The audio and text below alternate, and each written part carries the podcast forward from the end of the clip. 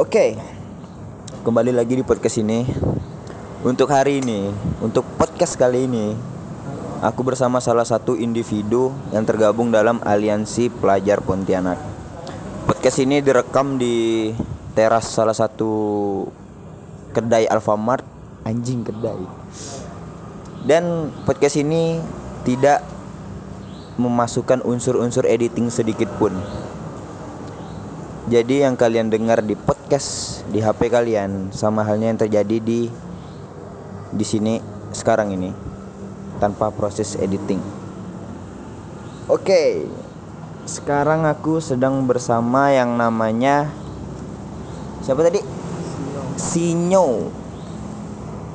Si Sinyo ini adalah salah satu individu yang tergabung dalam aliansi pelajar Pontianak bisa dibilang penggiat lah ya. Enggak pokok dia salah satu individu yang tergabung dalam aliansi tersebut. Oke. Okay. uh, sebenarnya nih langsung ke pertanyaannya lah ya. Um, aliansi pelajar nih sebenarnya apa sih? Uh, apa ya kalau aku bilang sih cuman kayak perkumpulan individu gitulah. Yang mau aw awalnya kan kayak aliansi ini karena merespon keresahan-keresahan pelajar khususnya di kota inilah Pontianak. Yang kayak pengen turun aksi tapi takut bimbang gitu. Jadi kami tuh mencoba mengorganisir lah istilahnya mereka secara sama-sama gitu. Mungkin lebih tepatnya perkumpulan ya itu oke perkumpulan. Um, pertanyaan kedua sistem pendidikan yang diinginkan untuk negara ini gimana sih pendidikan les pendidikan nih. Yang yang pendapat aku ya. Kalau aku bilang sih pendidikan yang demokratis ilmiah dan kerakyatan sih. Dan yang terpenting tuh mampu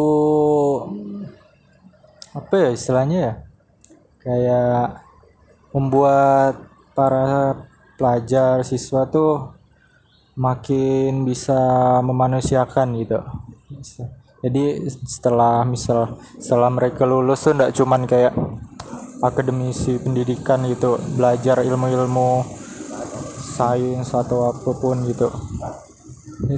Kalau yang terjadi saat ini kan kayak kasus-kasus bully terjadi di pendidikan itu bahkan orang ndak orang-orang yang istilahnya terpelajar lah bi bisa dibilang kayak gitu.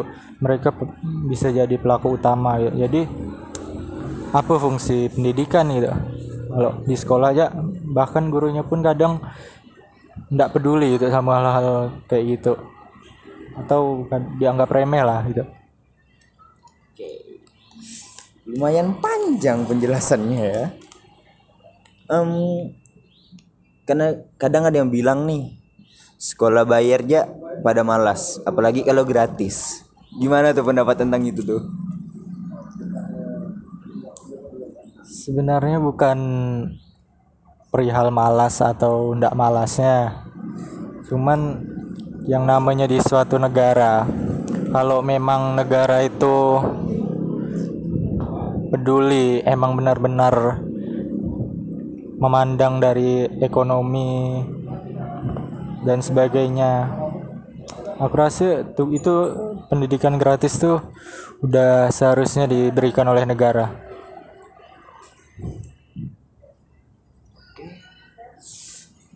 Hmm. Kemarin kan kalian kan sempat ngebuat lapak gratis kan? Lapak gratisan gitu di tepian sungai Kapuas. Reaksi masyarakat waktu buat gitu gimana apakah kayak ada penolakan dari beberapa masyarakat tertentu anjing atau malah disambut positif Kalau dapat penolakan sih ndak ya. Responnya cenderung positif sih. Cuman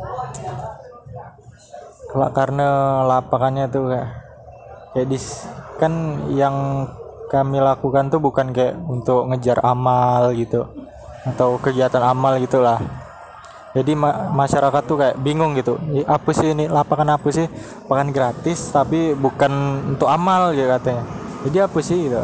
Jadi kayak semacam bingung dan mau kayak mau ngambil yang ada barang di lapangan tuh kayak entah malu entah gimana gitu pokoknya cuman seliweran lihat sebentar dah itu ya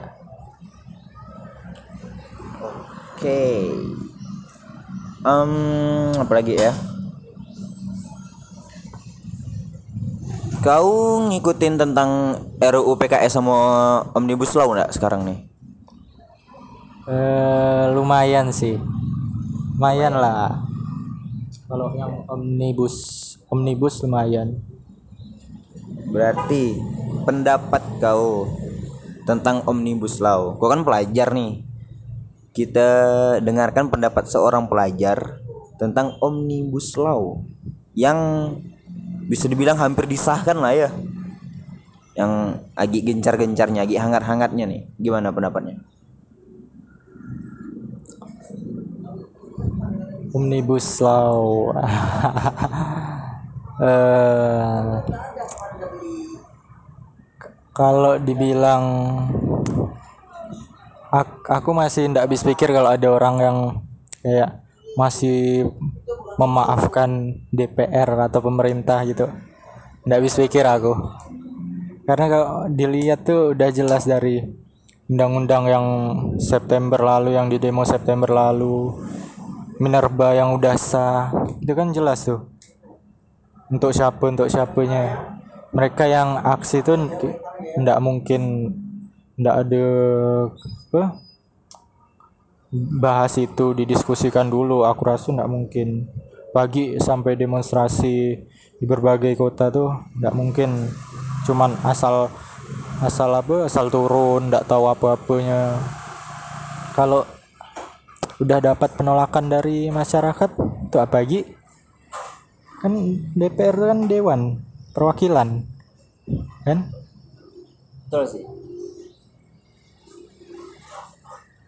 Oke. Em, untuk poin pertanyaan terakhir lah ya langsung ya lah. Tidak usah lama-lama ngapain. Tentang penyeragaman sekolah. Tentang seragam di sekolah. Gimana? Iya, seragam baju mulai dari rambut sampai kaki, semua harus seragam. Itu gimana?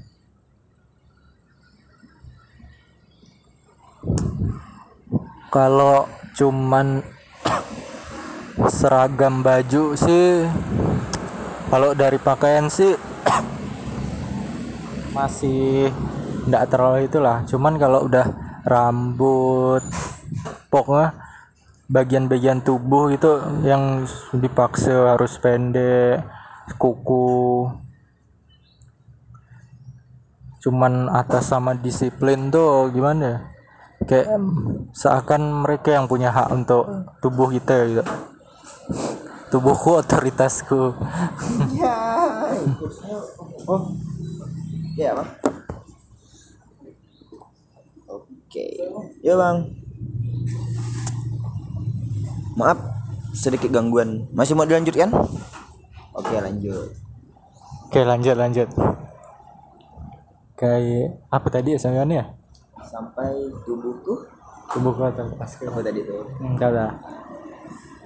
Kayak seakan mereka gitu yang berhak atas tubuh kita walaupun aturan apa sih aturan tuh? Taya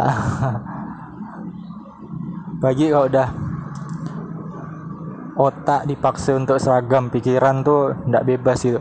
Jadi apa fungsi pendidikan itu sendiri bahkan ndak jarang gitu kalau siswa beda pendapat itu banyak ya terjadi di sekolah-sekolah.